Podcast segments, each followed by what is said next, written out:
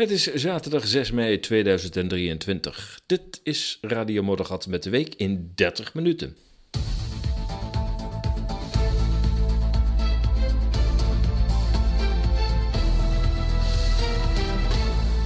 Ja, en weer op het thuisfront vanuit Nederland is dit weer Radio Moddergat met de week in 30 minuten. Vandaag met onderwerpen als de Duitse media. Ja, die vragen zich af waarom Nederlanders de koning niet meer kunnen verdragen.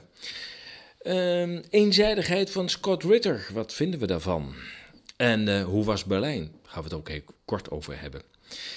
Uh, en nou we het toch over Berlijn hebben. Berlijn maakt een draai, en Berlijn bedoel ik dan natuurlijk Duitsland, van 180 graden in de buitenlandse politiek. Hoe zit dat nou weer? Wat dachten we van de wet verplaatsing bevolking? Ja, die boezemt veel mensen angst in en terecht. En is de democratie op zijn retour? Ja. De Duitse media die hebben ook ontdekt dat het Nederlands koningspaar toch niet zo geliefd is als zij altijd hadden gedacht. Want eh, Maxima en eh, Willem, ja, die waren in Duitsland best wel populair, eerlijk gezegd. Uh, en misschien nog wel een beetje, maar ze zien toch wel van uh, dat, dat het imago, de glans er wel een beetje af is. En ja, we hebben weer een Koningsdag achter de rug. Een feest van oranje tinten, vrije markten en veel bier. Even gaat Nederland weer uit zijn plaat. Het sensatieblad AD kopte Prinses Ariane steelt de show met ingetogen broekpak. Dit zag je twintig jaar geleden niet, zei het AD. Ja, het sprookje van een los en aanraakbaar koningshuis onderstrepend. Maar de coronajaren hebben het koningspaar geen goed gedaan. De Berlijnse krant Berliner Zeitung kopt, en ik citeer, waarom de Nederlanders hun koning niet meer kunnen verdragen. En dat dat in een Duitse krant staat, jongens. Voorafgaand aan de recente, aan het, uh, aan de recente Koningsdag schreef de Berliner Zeitung, en ik citeer, over ongeveer twee weken viert Willem-Alexander zijn tiende verjaardag op de troon. Ook al heeft de monarch, volgens de laatste berichten uit zijn Nederlandse koninkrijk, koninkrijk misschien geen zin meer om feest te vieren. Volgens recente peilingen is hij impopulairder dan ooit tevoren. Einde citaat. Ja, daarmee halen ze een, uh, reeds in december 2020 gehouden en voor een Ipsos onderzoek aan. Dus ja, zij schrijven dus, zo zie je maar weer hoe je de kranten met een korreltje zout moet nemen, dat volgens recente peilingen, zegt de, het, het Berliner Zeitung, maar ze bedoelen dus een peiling uit december 2020. Nee, maakt niet uit. Het, het is nog steeds waar. Het gaat erom dat de Duitse krant dat ineens schrijft. Dat is wel het opmerkelijke aan. Want voor de Nederlandse lezer heeft dit artikel dus eigenlijk helemaal geen nieuwswaarde. Maar voor de Duitsers is het zeker nieuws. Immers, het Nederlands Koningshuis wordt bij onze oosterbuur gezien als een typisch Hollands uh, uh, uh, instituut. Een, een, een, instituut dat, dat altijd ja, strikt genomen formeel is, maar zo lekker informeel doet. Het is wat veel Duitsers waarderen in Nederlanders, die informele omgang. Soms leidt dat ook tot irritaties als de setting voor de Duitsers formeel is. Dan lijken de Nederlanders als niet serieus over te komen. Maar het koningspaar is, was veel gegund. En met het recente artikel in deze Berlijnse krant lijkt de gunfactor te veranderen. Onder de foto die het artikel begeleidt, schrijft zij, de, de Berliner Zeitung, Willem-Alexander en Maxima, dubbele punt, op een gala in Amsterdam dinsdag lijkt hun glimlach geplakt.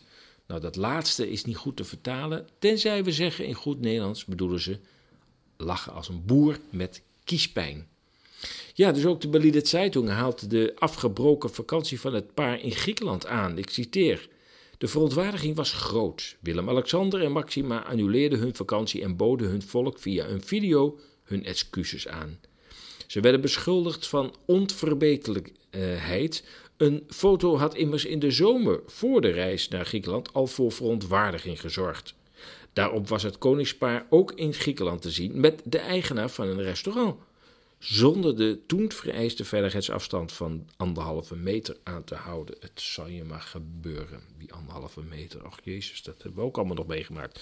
Goed, het is dus zeker nieuws dat een Duitse krant, uh, uh, nou ja, de, de verdwijnende glans van het Nederlands koningspaar ehm, publiceert. Dat is zeker nieuws. En het geeft aan dat de externe waarde van ons Koningshuis, waar zoveel over wordt gezegd, ja, ze doet zoveel goed voor het buiten, in de buitenland namens de BV Nederland. Nou ja, daar kun je langzamerhand ook wel een vraagteken bij, uh, bij zetten. Of al dat geld wat naar het Koningshuis gaat, of dat allemaal nog het waard is. Ja, is Scott Ritter eenzijdig of ESAS eenzijdig die hem veel aanhaalt? Ja, in de nieuwsbrief van, uh, van ESAS staat een optie waarin lezers hun mening kunnen geven over ESAS. Een van de lezers gaf onlangs aan nou, tevreden te zijn over ESAS. Dat schrijven gelukkig, dat schrijven gelukkig de meesten die gereageerd hebben. Maar het aanhalen van Scott Ritter over Oekraïne, dat was wel een beetje eenzijdig van ESAS, vond de uh, reageerder, de, de lezer van de nieuwsbrief. Het bijzondere van Ritter is dat hij, dat is, dat is, dat is mijn uh, standpunt ten aanzien van, uh, van Ritter. Hij is een Amerikaans militair geweest. Hè, hij heeft bij de US Marines gezeten. En hij is lang wapeninspecteur geweest voor de Verenigde Staten, zowel in Irak als in Rusland. Dat maakt hem, wat mij betreft, tamelijk onverdacht. En ja, dat hij een bepaald standpunt heeft, maakt hem, hoe gek het ook klinkt, niet eenzijdig, omdat zijn achtergrond niet eenzijdig is. Het is geen Rus, het is ook geen Nederlander die een, uh, van de meeste een pertinente haat tegen Rusland inmiddels hebben. Nee, het is een pure Amerikaan. En als je hem ook ziet, dan denk je, ja, veel Amerikaanse kan het ook eigenlijk helemaal niet. Uh, um, zit hij daar toch met zijn fles cola uh, af en toe in uh, beeld. Doet hij niet vaak, maar af en toe glipt die liter fles, nee, nee, anderhalve liter fles, glipt even door beeld. En denk ja, veel Amerikaanse kan het ook niet. Een Amerikaanse inrichting van, van, van de kamer waar die in, in, zit. Maar goed, het is een op het op militair ook. Ja, en als hij deze mening uit, en hij het ook altijd onderbouwt dan kun je wel zeggen, ja, oké, het, is, uh, het is veel kritiek op de Verenigde Staten, maar ik, ik vind de bron daarmee dus niet eenzijdig. Ja, uh, daarnaast zei de, degene die die reactie uh, schreef op de nieuwsbrief ook van, ja, Ritter is ook veroordeeld voor online seksuele handelingen met een minderjarige. En um, toen las ik verder uh, ik heb er wat over opgezocht. En het blijkt te gaan over dat hij, nou ja, uh, zaken heeft laten zien die je normaal gesproken niet voor uh, de webcam laat zien. Aan een vermeende minderjarige, maar dat bleek een FBI-agent te zijn. En dan, toen moest ik even denken van, um, ja, um, zou die erin geluisterd kunnen zijn? Want Scott Ritter heeft al veel langer kritiek op het beleid van de Verenigde Staten. Uh, en het kan best zijn dat de FBI de opdracht heeft gehad om hem in discrediet te brengen. Het zou goed kunnen. Ik weet het niet. Ik vind uh, desalniettemin um, Scott Witte nog steeds een, de, een zeer relevant, relevante bron. Betrouwbaar. Hij weet het goed te onderbouwen. En ja, ik denk dat hij zo langzamerhand ook wel gelijk begint te krijgen. Hij wordt ook door ontzettend veel andere Amerikaanse online kanalen wordt hij geïnterviewd. Keer op keer, soms wel drie keer op een dag, met allemaal verschillende kanalen. Dus ook veel Amerikanen denken waarschijnlijk zoals hij denkt. Um, dus daarmee blijf ik Scott Ritter toch wel een relevante bron vinden. Ja, hoe was Berlijn? Ja, ja, ja, hoe was Berlijn? Ja, nou, uh, uh, uh, het was een, een, een, een, weerzien eigenlijk. Hè, want ik ik heb daar tot 2010 rondleidingen verzorgd. Uh, nee, tot 2020 rondleidingen verzorgd. Eigenlijk eind 2019. Ja, toen kwam er iets met een virus. Uh, ik ben nog één keer toen naar Berlijn geweest. Dat was in augustus 2020. Toen zijn er in één maand tijd twee grote demo's geweest in Berlijn. Uh, op 1 augustus, als ik het goed heb. En op 29 augustus waarvan de media in uh, Duitsland en ook in Nederland zeiden dat er ongeveer zo 18.000 mensen aanwezig waren. Nou, ik denk dat het wel het vijftigvoudige is uh, geweest van wat daar aanwezig uh, was. De schattingen lopen uit één krap tussen 500.000 en ruim 1 miljoen. Ehm, ja, ik heb nog nooit zoveel mensen bij elkaar gezien. Maar goed, hoe dan ook. Ehm, dat was de laatste keer, dus september 2020. Het werd weer tijd. Uh, sinds dat op 4 februari, als ik het goed heb, de mondkappenplicht eindelijk in Duitsland werd opgeheven. En daar hebben de Duitsers toch 2,5 jaar mee moeten rondlopen in restaurants en openbaar vervoer. En ook medische mondmaskers, dus die zware mondmaskers. Dat was voorbij en ik dacht, nou, nou ga ik toch maar weer eens even kijken. En wellicht dat er ook mensen zijn die een rondleiding willen. Maar dan moet het thema wel anders zijn wat ik altijd heb gedaan. Namelijk, het thema was toen bottom-up stedelijke ontwikkelingen. een heel ander onderwerp dan, de, dan wat ik nu doe en waar ik nu over schrijf. Ik heb altijd ook geschreven over dat andere onderwerp op een andere website. Um, maar goed, daar uh, heb ik een punt achter gezet. Uh, en nu gaan de rondleidingen over de politieke context van Berlijn. Dat klinkt een beetje saai, maar dat is het absoluut niet. En ik heb het ook gemerkt aan deelnemers aan de eerste rondleiding in deze nieuwe uh, opzet.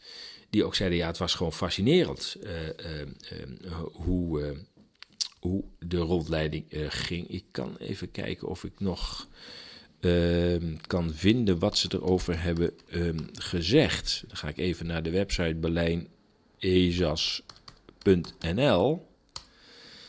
En daar staan hun uh, reacties ook uh, op. Even kijken. Ja, ja om even aan te geven. Ehm, een van de deelnemers schreef: Een buitengewoon fascinerende rondleiding door deze stad, die letterlijk in het centrum heeft gestaan van de moderne wereldgeschiedenis en nu weer uiterst actueel is. Paul brengt met zijn jarenlange ervaring als beleidsgids naar plaatsen, je naar plaatsen die een soms adembenemende brug slaan tussen het heden en verleden. En dat in een zeer aangename en ontspannen sfeer met volle ruimte voor discussie, waarbij Paul put uit zijn grote kennis voor deze, van deze stad en zijn geschiedenis en niet vergeten humor. Um, ja, een ander schreef: De rondleiding in Berlijn was ronduit geweldig. De historie van de stad is enorm relevant in deze tijd. De grondige kennis en prettige vertellust van Paul en het gezelschap van de andere gasten maakt dat er een levendige en respectvolle uitwisseling plaatsvond van kennis, vragen, overwegingen en voorlopige conclusies. Wat heb ik dat gemist de afgelopen drie jaar en wat heb ik weer veel nieuwe inzichten opgedaan? Daarnaast is Berlijn gewoon een hele prettige stad om te verblijven. En op zondag rustig, doordat de winkels dicht zijn. Met legio goede restaurants en parken zijn altijd open. En het openbaar voer, daar kunnen wij alleen maar van dromen. Al dus een van de deelnemers. Um, ja, dus ik ben, de, ben, ben, zeer tevreden over hoe het is uh, uh, gegaan. Het liep ook allemaal op rolletjes. Eh, de dagen dat ik daar was, uh, was over het algemeen fris en grijs. Uh, behalve die twee rondleidingsdagen. Het leek wel of er een knop omging. Of eigenlijk twee dagjes global warming werd aangezet. Het was stralend weer. Uh, rond de 20 graden, 21 en de zon ook zeker warmer. Um, dus ja, het was gewoon fantastisch. En het was een mooi weerzien met deze stad. En in het najaar heb ik besloten, ga ik weer zo'n rondleiding organiseren. Um, in september, om precies te zijn. Um, mocht je daar belangstelling voor hebben, kijk even op de website berlijn.ezas.nl en daar staat de datum bij. En uh, als je zegt, nou, ik wil alvast boeken, dan kan dat. Sterker nog, er is zelfs een vroegboekkorting. Als je de komende maand alvast boekt, dan krijg je ook een korting op de prijs. Goed, ja, nog even een mededeling tussendoor. Die had ik eigenlijk helemaal niet opgeschreven. Maar uh, uh, tot mijn grote ontsteltenis is afgelopen week heb ik, uh, ja, door een fout het totale Twitter, nee, niet het Twitter-account, het, Telegram-account om zeep geholpen. Met bijna duizend volgers. En ik kreeg er pijn in mijn maag van toen ik dat ontdekte. Ehm, ja, hoe dat is gebeurd, weet ik ook niet. Maar dat ging vanuit een app vanuit de app van, van, van, van Telegram. Ik wilde een bericht wissen en met dat bericht werd het hele account verdween ineens uit beeld. Zo erg zelfs dat zelfs de gebruikersnaam niet meer uh, uh, te, te, vinden was. Nou, ik heb alles op zijn kop gezet om dat weer terug te krijgen, maar ja, helaas is dat vooralsnog niet gelukt. Ik heb een bericht aan Telegram gestuurd in de hoop dat zij nog wat van de server kunnen halen. Zeker natuurlijk die bijna duizend contacten. Want dat ben ik allemaal kwijt, tot mijn grote spijt. Gelukkig had ik nog wel een reservekanaal. Dat was niet echt een reservekanaal, maar een chatkanaal. Ik moet zeggen, de, het kanaal is weg. kanaal is eenzijdige communicatie. Daar kunnen mensen niet op reageren. Daarnaast eh, had ik ook nog een, een Telegram groep. En een groep, daar kunnen mensen gewoon in reageren. Is interactiever. Maar ja, daar zit maar een klein aantal uh, mensen op dit moment uh, in. Ehm, nou ja, dat is er dan nog. En uh, ik heb uh, de, de domeinnaam van, die, uh, van dat account maar veranderd in de naam die het oorspronkelijke kanaal had. Zodat het weer in ieder geval vindbaar is. Mocht je mij op, mocht je Ezers op Telegram hebben gevolgd op dat grote kanaal, zeg maar. En ja, je vindt nu niets meer terug. Um, ja, dan wil ik je verzoeken om um, nog een keer te kijken. en dan lid te worden van de groep? Nogmaals, is iets anders. Groep kun je ook op reageren. En die groep is onder dezelfde naam te vinden, namelijk ESAS NL. Dus ga naar Telegram ESAS NL en meld je daar opnieuw aan. Of, de andere, of het andere kanaal, hè, of het kanaal nog terugkomt, ik mag het hopen. Maar ja, nou ja, goed. Daarnaast uh, is ESAS ook nog te vinden op, uh, op Twitter.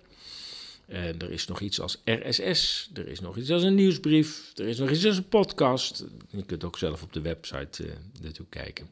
Dus uh, uh, ja, er is nog niet heel erg een grote man overboord, maar vervelend is het natuurlijk wel. We blijven even in Berlijn, want Berlijn maakt een draai van 180 graden in haar buitenlandse politiek. En de Duitse Groenen, die leiden de anti-Rusland politiek. En dat valt heel veel mensen op in Duitsland. Het naoorlogse Duitsland heeft in de gedeeldheid van haar oorlogszuchtige verleden met vallen en opstaan moeten uh, hebben de, uh, sorry, heeft in gedeeldheid haar oorlogszuchtige verleden met vallen en opstaan moeten verwerken. Zij onderhield een geveinsd vriendschappelijke relatie met de Verenigde Staten, die de nazi's in het Westen versloegen en de Duitse bevolking van een misdadig regime verlosten. De relatie met de Russen kon pas verbeteren na de val van het Sovjetrijk. Met de Maidan-coup in 2014 veranderde Rusland van houding en keerde zich steeds meer tegen uh, Rusland.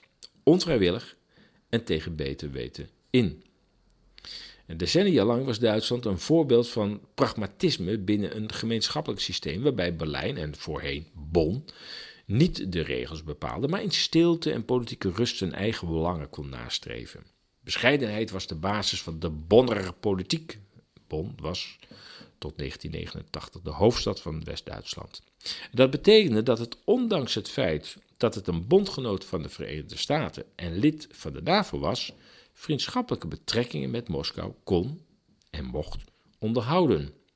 Zo kon het gebeuren dat Duitsland profiteerde van goedkoop en zeker Russisch aardgas dat door de pijpleidingen van Nord Stream 1 en 2 de industrie de Duitse industrie een groot concurrentievoordeel bood. Eigenlijk niet alleen de Duitse industrie.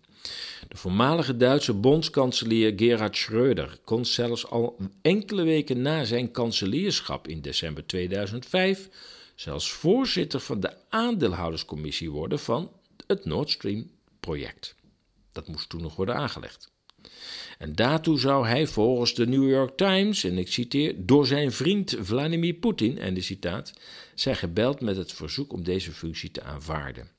Het artikel in de New York Times verscheen kort na de inval van Rusland in Oekraïne. Dus allemaal niet zo heel erg toevallig. Ja, dit kon plaatsvinden na jaren, hè, dus dat, dat, dat, dat Schröder, oud-bondskanselier, ineens uh, leider werd van het Russische uh, Nord Stream project. Dit kon plaatsvinden na jarenlange inspanningen van eerdere kanseliers, zoals Willy Brandt, die onvermoeibaar de verhoudingen met Oost-Europa en met name Rusland, in zijn tijd nog Sovjet-Unie, trachtte te verbeteren. En met succes. Het was de beroemde ontspanningspolitiek. Zo heette dat toen. Brandt ging, uh, of ontving in 1971 zelfs de Nobelprijs voor de Vrede voor zijn inspanningen om de weg vrij te maken voor een zinvolle dialoog tussen Oost en West, heette dat toen. Nou ja, die inspanningen lijken nu teniet gedaan. Vermoedelijk mede onder druk van de Verenigde Staten veranderde Duitsland van koers door na de door de VS geregisseerde Maidan-opstand in Oekraïne mee te werken aan het bedrog van Minsk, waarin toenmalig kanselier Angela Merkel samen met de toenmalige Franse president François Hollande Rusland om de tuin leidde door de besprekingen te misbruiken om Oekraïne militair voor te bereiden op een conflict met Rusland. Het opblazen van de toevoer van Russisch aardgas naar Duitsland, vrijwel zeker door haar vriend tussen aanhalingstekens de Verenigde Staten, lijkt de Duitse groene die Grüne, Bündnis, Bündnis 90, die Grüne, een fusieorganisatie, goed in de kaart te spelen. Hun obsessie met de energietransitie naar duurzame opwekking door wind en zon heeft een grote stimulans gekregen, doordat het verminderde aanbod van aardgas de prijzen heeft opgedreven en duurzame energie relatief goedkoper heeft gemaakt. Daarnaast lijken de groene duurzaamheid te paren aan een ongekende oorlogsretoriek tegen Rusland. Niet vrede, maar voortdurende oorlog lijkt haar koers. Het zet de Duitse buitenlandse politiek decennia terug in de tijd. Willy Brandt zou zich omdraaien in zijn graf als hij de huidige koers van zijn land zou waarnemen.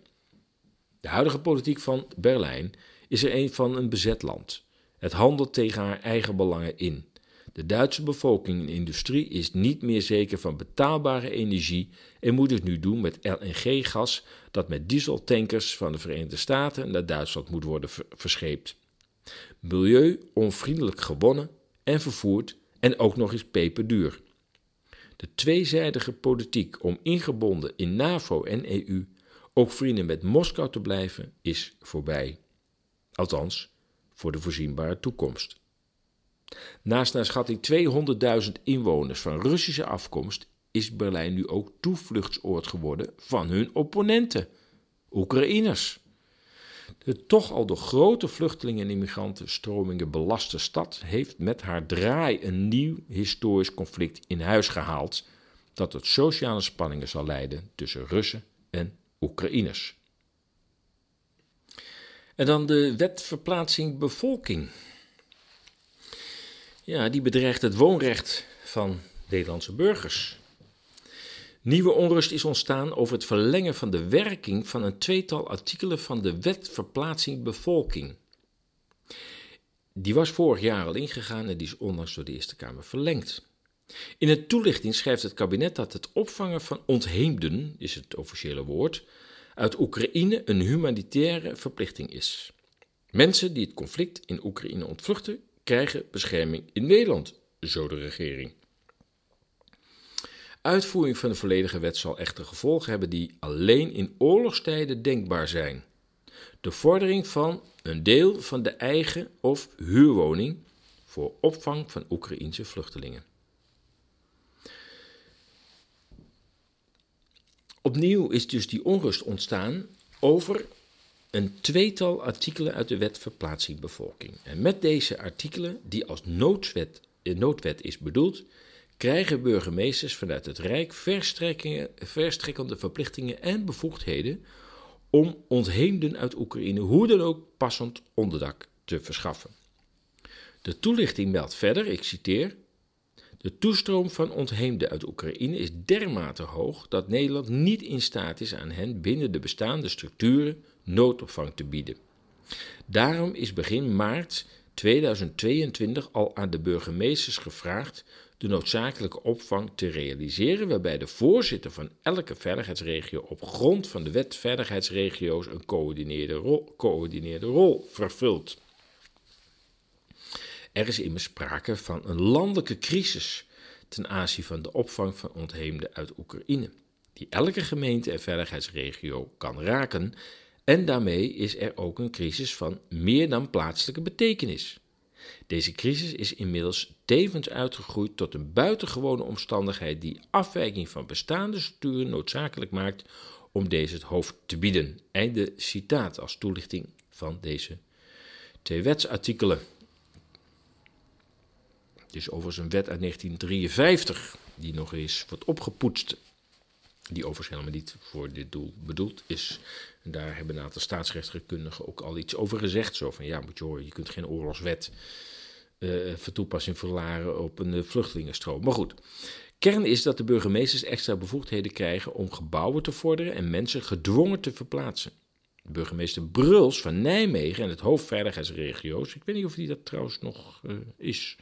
Hij is onlangs, uh, geloof ik, geridderd of iets dergelijks, omdat het zo'n verbindende man zou zijn. Nou ja, uh, daar kun je verschillend over denken. Maar goed, Bruls is nooit vies van, van paniek veroorzakende uitspraken. Want hij zei in de Gelderlanden van 10 maart 2021, en ik citeer: Het wordt heel lelijk. Het zal echt vervelend worden. Er gaat gedoe komen. Er komen problemen. Het wordt echt ugly. Einde citaat. Dat was maart 21. Toen was de oorlog net begonnen. Er was er nog geen Oekraïne te zien in Nederland. En toen wist hij al dat het een groot probleem zou worden. En dan denk je, wat heb jij aan voorinformatie gehad over ons? Maar goed, je zou denken van deze burgemeester... Uh, uh, ja, dat hij inderdaad voorkennis heeft gehad... Uh, en dat hij eigenlijk van tevoren al wist dat een grote stroom, stroom Oekraïners een veilig heenkomen in Nederland zouden gaan zoeken. De regering acht activering van verdergaande noodbevoegdheden, ik citeer, waarbij ook grondrechten in het geding zijn, op dit moment nog niet proportioneel wordt geacht. Einde citaat. De toelichting geeft aan dat, ik citeer weer, Indien de omstandigheden daarom vragen, kan dit echter opnieuw gewogen worden. Einde citaat. De burgemeester zal dus zelf een inschatting moeten maken van de lokale omstandigheden en mogelijkheden en de daarbinnen de opvang realiseren. Met inachtneming van de richtlijnen of aanwijzingen van de minister van Justitie en Veiligheid. Dit, en ik citeer, om zo spreiding over Nederland mogelijk te maken en de, of de bevoegdheid om het gebruik van panden te vorderen. Einde citaat. Het is eigenlijk een soort koude oorlogwet, uh, nou niet een soort, in die tijd ontstond het, want de wet verplaatsing bevolking is, is niet nieuw. Hè? Dit dateert aan 1952, ik zit net, zei net 1953. Al zo kort na afloop van de Tweede Wereldoorlog liepen de spanningen tussen het Westen en de toenmalige Sovjet-Unie al zo hoog op dat voor een atoomoorlog werd gevreesd. Het deed Amsterdam in 1958 besluiten de ambtenaar Hein Siedenburg, die in zijn eentje het mysterieuze bureau Verplaatsing Bevolking van de gemeente runde, de opdracht te geven een evacuatieplan te schrijven voor de 800.000 inwoners van de stad. Siedenburg werkte twee jaar in het diepste geheim aan dat plan. Het zou echter nooit ten uitvoer worden gebracht. Bij nader inzien zag men geen nut de bevolking bij een atomare, uh, atomare uh, aanval te verplaatsen. Want waar breng je de bevolking in dat geval veilig naartoe? Zo groot is Nederland niet als er een atoombom valt. Op dit moment zijn er twee artikelen van de wet verplaatsing bevolking in werking. Artikel 2c, en die zegt: Deze wet is tevens van toepassing op de volksverplaatsingen op grote schaal welke niet het gevolg zijn van een last tot verplaatsing. Niet duidelijk is, en er zijn ook al vragen in de Tweede Kamer over gesteld, wat wordt nou bedoeld met die volksverplaatsing? Gaat het nou over Nederlanders die verplaatst worden, om Oekraïners in hun huizen te laten, of gaat het om immigratie? En wordt dat volksverplaatsing genoemd? Is niet duidelijk. Artikel 4.1 is ook uh, in werking getreden. De burgemeester is, voor zover uit deze wet niet het tegendeel blijkt, in zijn gemeente belast met de uitvoering van een krachtens artikel 2a, heb ik net gelezen, uh, die heb ik toch niet opgelezen, en artikel B, gelaste verplaatsing van de bevolking. Dat gaat dus duidelijk, duidelijk over de Nederlandse bevolking, waarschijnlijk. Artikel 4.2 zegt, indien het de ontruiming of afvoer, de afvoer betreft, we hebben het over mensen, de afvoer betreft, kunnen onze ministers, en indien het de huisvesting en verzorging betreft, kan onze minister van Binnenlandse Zaken aanwijzingen geven of doen geven aan de burgemeesters met betrekking tot diens in het vorige lid omschreven taak en daartoe bij ministeriële regeling regels stellen. Dus de burgemeesters mogen de de rottigheid eh, aangaan met de eigen bevolking. En als hij dat niet in voldoende maanden doet, dan treedt de minister van Binnenlandse Zaken op en die stuurt hem gewoon aan dat hij het moet doen. De bron van de wet, komende uit de, tijd van de Koude Oorlog, is dat de Nederlandse bevolking door verplaatsing in geval van een oorlogssituatie of grote calamiteit naar een veilige oord kan worden verplaatst. We herinneren ons nog, ik dacht in de negentiger jaren, de overstromingen van het rivierengebied in de Betuwe.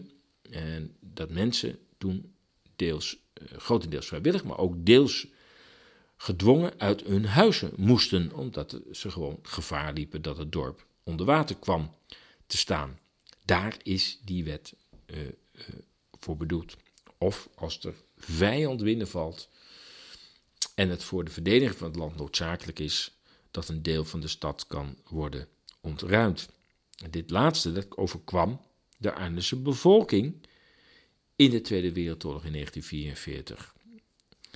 En het ging niet alleen om Arnhem, ook de omliggende dorpen. Toen de Duitse bezetter, dus het was niet de Nederlandse overheid die daartoe opdracht gaf, maar de Duitse overheid, de Duitse bezetter, die in het licht van operatie Market Garden die eraan zat te komen, de gehele stad, toen nog alleen de noordoever van de Rijn was bebouwd, de zuidoever stond nog vrijwel niks, dwong om de stad te verlaten.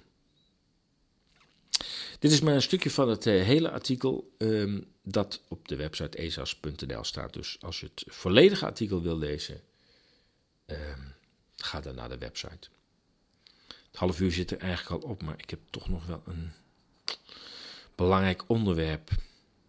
Zal ik hem even doen? Nou, een slokje water. En dan, uh, dan doen we toch ook nog even dat laatste onderwerp. Jawel, want het was afgelopen vrijdag 5 mei. Gaat over vrijheid. Gaat het uh, over de tijd dat we een bezetter uit ons land joegen. Die onze vrijheid beperkte en nog veel ergere dingen deed. En nu zitten we met een overheid opgescheept. Die ook onze vrijheid inperkt. Dus de vijand zit nu in ons eigen land, in Den Haag. Dat is een heel andere situatie. En ik denk dat menigeen zich nooit rekenschap uh, heeft gegeven dat ons dit ooit zou kunnen overkomen. Ja, 5 mei, onze democratie is op zijn retour. En maar weinigen die het wat kan schelen. Wie kritiek heeft op de Nederlandse overheid is nu anti-overheidsterrorist en krijgt een van de uitdijende Nederlandse veiligheidsdiensten achter zich aan. Rechtszaken tegen de staat zijn zinloos. U verliest altijd. Uw baan is bij overheidskritiek in gevaar. Een beroep op de grondwet is kansloos. Wetten kunnen namelijk ongrondwettelijk zijn, maar er is namelijk nergens een orgaan waar je die grondwet kunt toetsen. Of een wet kunt toetsen aan de grondwet. De burger wordt voorgelogen, in de kou gezet, een zinloze oorlog opgedrongen, van miljarden belastinggeld beroofd voor wapenaankopen. Gewoon je bek houden, zei onze premier. Bereid u voor op minder democratie en meer staatscensuur en repressie. De DDR laat groeten. Door de overheid opgelegde censuur, eenheidsmedia, voortdurende schendingen van de grondwet, partij, de partijdige rechters, vooral veel D66, hetsen tegen andersdenkenden, mogelijk verbod op onwelgevallige politieke partijen of omroepen en tot overmaat van ramp een wet die onder het mom van een gezondheidswet een permanente staat van beleg mogelijk maakt. De wet publieke gezondheid. Van me overigens op dat heel veel mensen daar gewoon totaal geen kennis van dragen. Ik weet niet wat, uh, waar, waar de kranten eigenlijk wel over schrijven, maar niet over dit soort zaken, kan blijkelijk. De Nederlandse staat heeft veel burgers tot haar vijand gemaakt door hun belangen stelselmatig te schaden. De staat kan nu nog maar één kant op om haar doorgeschoten agenda van ondoordachte immigratie, doorgeschoten genderpolitiek, klimaatpaniek, de opgejaagde angst voor een virus, onteigening van de boeren, dehumanisering door transhumanistische dwaalideologie, meer politiegeweld tegen onschuldige burgers, meer censuur, meer repressie te realiseren. Meer van hetzelfde en de tegenstanders tot zwijgen te brengen. Het is een kleine, maar zeker niet volledige opsomming van de ontwikkelingen die sinds maart 2020 in de stroomversnelling zijn gekomen. Wie sinds de komst van het virus kritiek heeft op de Nederlandse regering of de Nederlandse staat, heeft een probleem. Eigenlijk meerdere problemen. Hem of haar wordt de mond gesnoerd of verklaard complotdenker, antisemiet of fascist te zijn. Weinigen weten overigens nog maar de betekenis, weten, weten nog de betekenis van deze woorden, maar ze rollen kan blijkbaar heel makkelijk uit vele monden. Het kan de criticus zijn of haar bestaan kosten. Naar de rechter stappen heeft in het nieuwe normaal geen zin. In de afgelopen drie jaar heeft de Nederlandse staat geen enkele aanklacht bij een rechter verloren. En waar dat dreigde, bijvoorbeeld bij de ongrondwettelijke avondklok, greep zij direct in. Een inmenging in de rechtsgang naar Noord-Koreaans model. Wie denkt politiek nog wat te kunnen, dreigt uitsluiting of een verbod. Referenda werden net op tijd voor het COVID-project afgeschaft en tot overmaat van ramp kan in Nederland geen wet aan de grondwet worden getoetst. Media worden subtiel aangestuurd, ook wel zachte gelijkschakeling genoemd. Als de overheid zich zo tegen de burger keert, weet u hoe laat het is. De overheid is veranderd in een regime. Het lijkt onwaarschijnlijk, maar het blijkt dat onze democratie over zijn uiterste houdbaarheidsdatum heen is. Het stelsel rechten en plichten, zoals het vrije woord, blijkt niet zo solide als we de afgelopen decennia zijn gaan geloven. Democratisch gekozen leiders kunnen zich geleidelijk in arrogante, van het volk losgezongen potentaten veranderen. Gewoon je bek houden, weet je nog, zei Rutte. Dat blijkt nu ook in letterlijke vorm toegepast te worden. Het referendum verdween. Met andere woorden, we zijn niet meer geïnteresseerd in jouw mening. En mocht het een referendum zijn die ons niet bevalt, dan leggen we het gewoon naast ons neer. En wat de Tweede Kamer zich interesseert, is eigenlijk ook al niet meer. Ik zou zeggen, kijk eens uh, naar uh, en luister eens naar de, de, de recente Torbekke-toespraak van uh, Pieter Omtzigt. Een ontluisterend verhaal over hoe slecht de democratie er in Nederland voor staat. Ik snap dat mensen, zolang ze het biertje nog op het lokale terras kunnen drinken en de nieuwste Apple kunnen kopen bij de mediamarkt, dat ze denken dat uh, het land nog hetzelfde is als in 2019. Maar uh, ja, achter de schermen uh, valt het hele zaakje toch wel erg snel in elkaar. Het biedt ook kansen, en laten we er niet altijd negatief over zijn. Maar in eerste instantie is het toch zorgwekkend dat het democratische stelsel in Nederland ziender ogen onder leiding van Rutte. Uh, ik, ik, meestal laat ik me niet zo politiek uit in de richting van een persoon of, of, of, of een politieke partij, maar ik moet toch wel, ja, ik moet toch wel toegeven dat de eenman toch wel voortdurend leiding heeft gegeven aan de ontmanteling van, van Nederland als, als soevereine staat. Inmiddels hebben we ons Nederlandse leger, voor zover dat het uh, er was, voor, voor, voor, zover dat nog één, tank had rijden, uh, is inmiddels overgeheveld uh, aan Duitse opperbevel. Dus het Nederlandse leger bestaat de facto niet meer, daar beschikken we niet meer over. Dat is overgedragen aan, aan Duitsland. Hoe gek kun je het maken als het gaat om de uitverkoop van je soevereiniteit? We waren al zoveel kwijt aan, aan Brussel.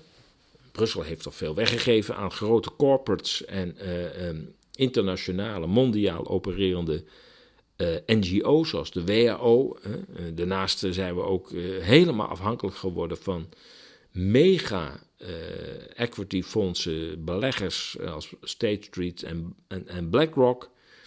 Ehm, ja, we hebben niet zo heel veel meer te vertellen. En misschien dat daarom ook wel het hele parlement denkt: nou ja, ach, wat we ook hier doen, het maakt allemaal niet zo heel veel meer uit. Want we hebben ook niet zoveel knopjes meer waar we aan kunnen draaien. Dat is een hele treurige uh, constatering. En ik heb uh, voorlopig nog even geen oplossing over hoe we dat moeten terugdraaien. We kunnen in ieder geval proberen om de democratische cultuur, dus niet het systeem wat landelijk bestaat, maar de democratische cultuur, de democratische verhoudingen tussen mensen en groepen mensen onderling, om dat lokaal nog steeds te blijven praktiseren. Dus als we lokaal over bepaalde ontwikkelingen met elkaar spreken, dat we daar de democratie nog steeds hoog houden. Dat we snappen dat we samen dit land en onze eigen woon- en leefomgeving moeten maken. En dan natuurlijk nog een laatste onderwerp waar, waar we niet aan voorbij kunnen. 4 mei, dodenherdenking. President Zelensky van Oekraïne is op 4 mei ontvangen in Nederland. De timing zal zeker niet toevallig zijn, ondanks de leugenachtige uitspraken van de, van minister Hoekstra. dat het allemaal toeval is. En bij toeval was de Belgische premier De Croo, als ik het goed heb, was ook toevallig in Nederland. En toevallig was er een, een zeer uitgebreid programma heel snel in elkaar gezet. Ik geloof dat er wel acht verschillende programma-onderdelen waren die dag. Ja, als een land geregeerd wordt door een premier zonder sensibiliteit en zonder actieve herinnering, dan gebeuren er ongelukken. Het onvoorstelbare is in het nieuwe normaal van onze premier voorstelbaar. Een man die twintig minuten over de huidige situatie wilde praten en in slangen schijnt te geloven, wordt voor twee jaar in alle EU-landen als ongewenst burger verklaard. Dan hebben we het natuurlijk over David Icke. Icke werd ook ervan beschuldigd dat hij antisemitisch zou zijn. Maar het lijkt niet mogelijk om daar enige bewijzen voor te vinden. Die bewijzen stapelen zich op als het gaat om het land dat president Zelensky vertegenwoordigt, Oekraïne. Nergens in Europa is het fascisme zo levendig en openlijk als in het land dat we nu ten koste van honderdduizenden doden zeggen te verdedigen. We hoeven niet de hele geschiedenis van het fascisme in Oekraïne hier uit de doeken te doen. Ik verwijs in het artikel ehm, eh, op de website naar een ander artikel dat meer over de achtergronden vertelt van het uh, neonazisme. En sommigen zeggen het is niet neonazisme, het is nog steeds het oorspronkelijke nazisme in, uh, in Oekraïne. Op 4 mei herdenken we toch in eerste instantie vooral de slachtoffers van de Tweede Wereldoorlog. Later zijn de herdenkingsgronden verder opgerekt en volgens sommigen verloor de herdenking daardoor aan betekenis. Maar 4 mei kan ook niet zonder het herdenken van de moord op de Joden. Afgevoerd, in dodelijke arbeid te werk gesteld om daarna op industriële wijze te worden vermoord. Nederland moet zich dat zeer bewust zijn. Relatief zijn in ons land de meeste Joden afgevoerd vanwege de uitstekende medewerking van de Nederlandse autoriteiten en de vlekkeloze transporten door de Nederlandse spoorwegen. De 4 mei-herdenking vindt plaats, vond plaats in Amsterdam, de stad waar zoveel Joden een leven in vrijheid en veiligheid doorbrachten, dachten zij. Deze stad en haar bestuur zou moeten waken over de zuiverheid van deze herdenking. Daar kunnen geen vertroebelingen bij worden toegestaan. Een vertegenwoordiger van een land dat nog een zo openlijke vorm van fascisme kent, is meer dan een vertroebeling. Het is een affront naar de Joodse oorlogsslachtoffers en hun nabestaanden. Het geeft aan hoe gewetenloos de Nederlandse regering deze herdenking naar haar politieke hand zet. In die zin blijkt Nederland niet veel geleerd te hebben van de verschrikkingen van de Tweede Wereldoorlog. De oorlog in Oekraïne is verschrikkelijk. Het land wordt steeds verder vernietigd, beroofd van haar jonge generatie. De schuldvraag laten we hier achterwege. We kennen de verschillende gezichtspunten. Echter één zaak zou voorop moeten staan.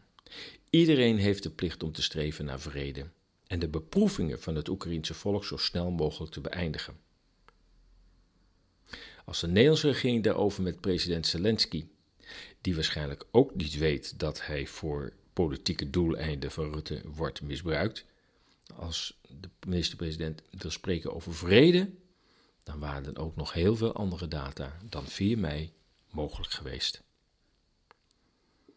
En ondertussen hebben we nog even in herinnering de woorden van Willem-Alexander. Weet u nog, 4 mei 2020, een totaal lege dam, want uh, iets met een virus. Mensen moesten afstand houden, mondkapjes opdoen. Die tijd. Toen uh, sprak Willem-Alexander uh, de historische woorden die uh, ja, door velen als hoopgevend werd aangehoord, werden aangehoord. En dat, dat had te maken met natuurlijk de restricties die in het kader van de virusbestrijding waren opgelegd. En men dacht dat Willem-Alexander daarna verwees, maar het is achteraf ijdele hoop gebleken. Ik citeer Willem-Alexander, 4 mei 2020 op de Dam in Amsterdam. Oorlog werkt generaties lang door. Nu, 75 jaar na onze bevrijding, zit de oorlog nog steeds in ons. Het minste wat we kunnen doen is niet wegkijken, niet goed praten, niet uitwissen, niet apart zetten, niet normaal maken wat niet normaal is. en onze vrije democratische rechtsstaat koesteren en verdedigen. Want alleen die biedt bescherming tegen willekeur en waanzin. Einde citaat. Ja, wat moet ik daar nog over zeggen? Het was in ieder geval een, een debakel, dat 4 mei, waarbij nogal wat beelden de ronde deden van schaterende Rutte met een schaterende Zelensky op de dag van de dodenherdenking. Je luisterde naar de week in 30 minuten van Radio Moddergat. En 45 minuten mag blijkelijk ook van de zenderbaas. Als je deze uitzending hebt gewaardeerd, overweeg dan een donatie, een lidmaatschap van ESAS of aankoop van ons nieuwe magazine met de beste artikelen van de tweede helft van 2022. En natuurlijk in de zomer komt er weer een nieuwe uit, uiteraard. ESAS kan niet zonder steun van donateurs en leden. Maak ons bereik groter en deel deze podcast van Radio Moddergat op je social kanalen. Je kunt ESA's volgen via onze nieuwsbrief RSS, Telegram, ja, nog steeds, weliswaar in een kleinere groep, maar desalniettemin. En Twitter. Uh, Substack overigens ook uh, is weer, uh, hebben, hebben toch maar weer opgestart. Um, dus ook bij Substack kun je terecht voor ESA's. Kijk voor meer informatie op ezas.nl. Ik wens je een goed weekend. Blijf waakzaam, blijf sterk en tot volgende week.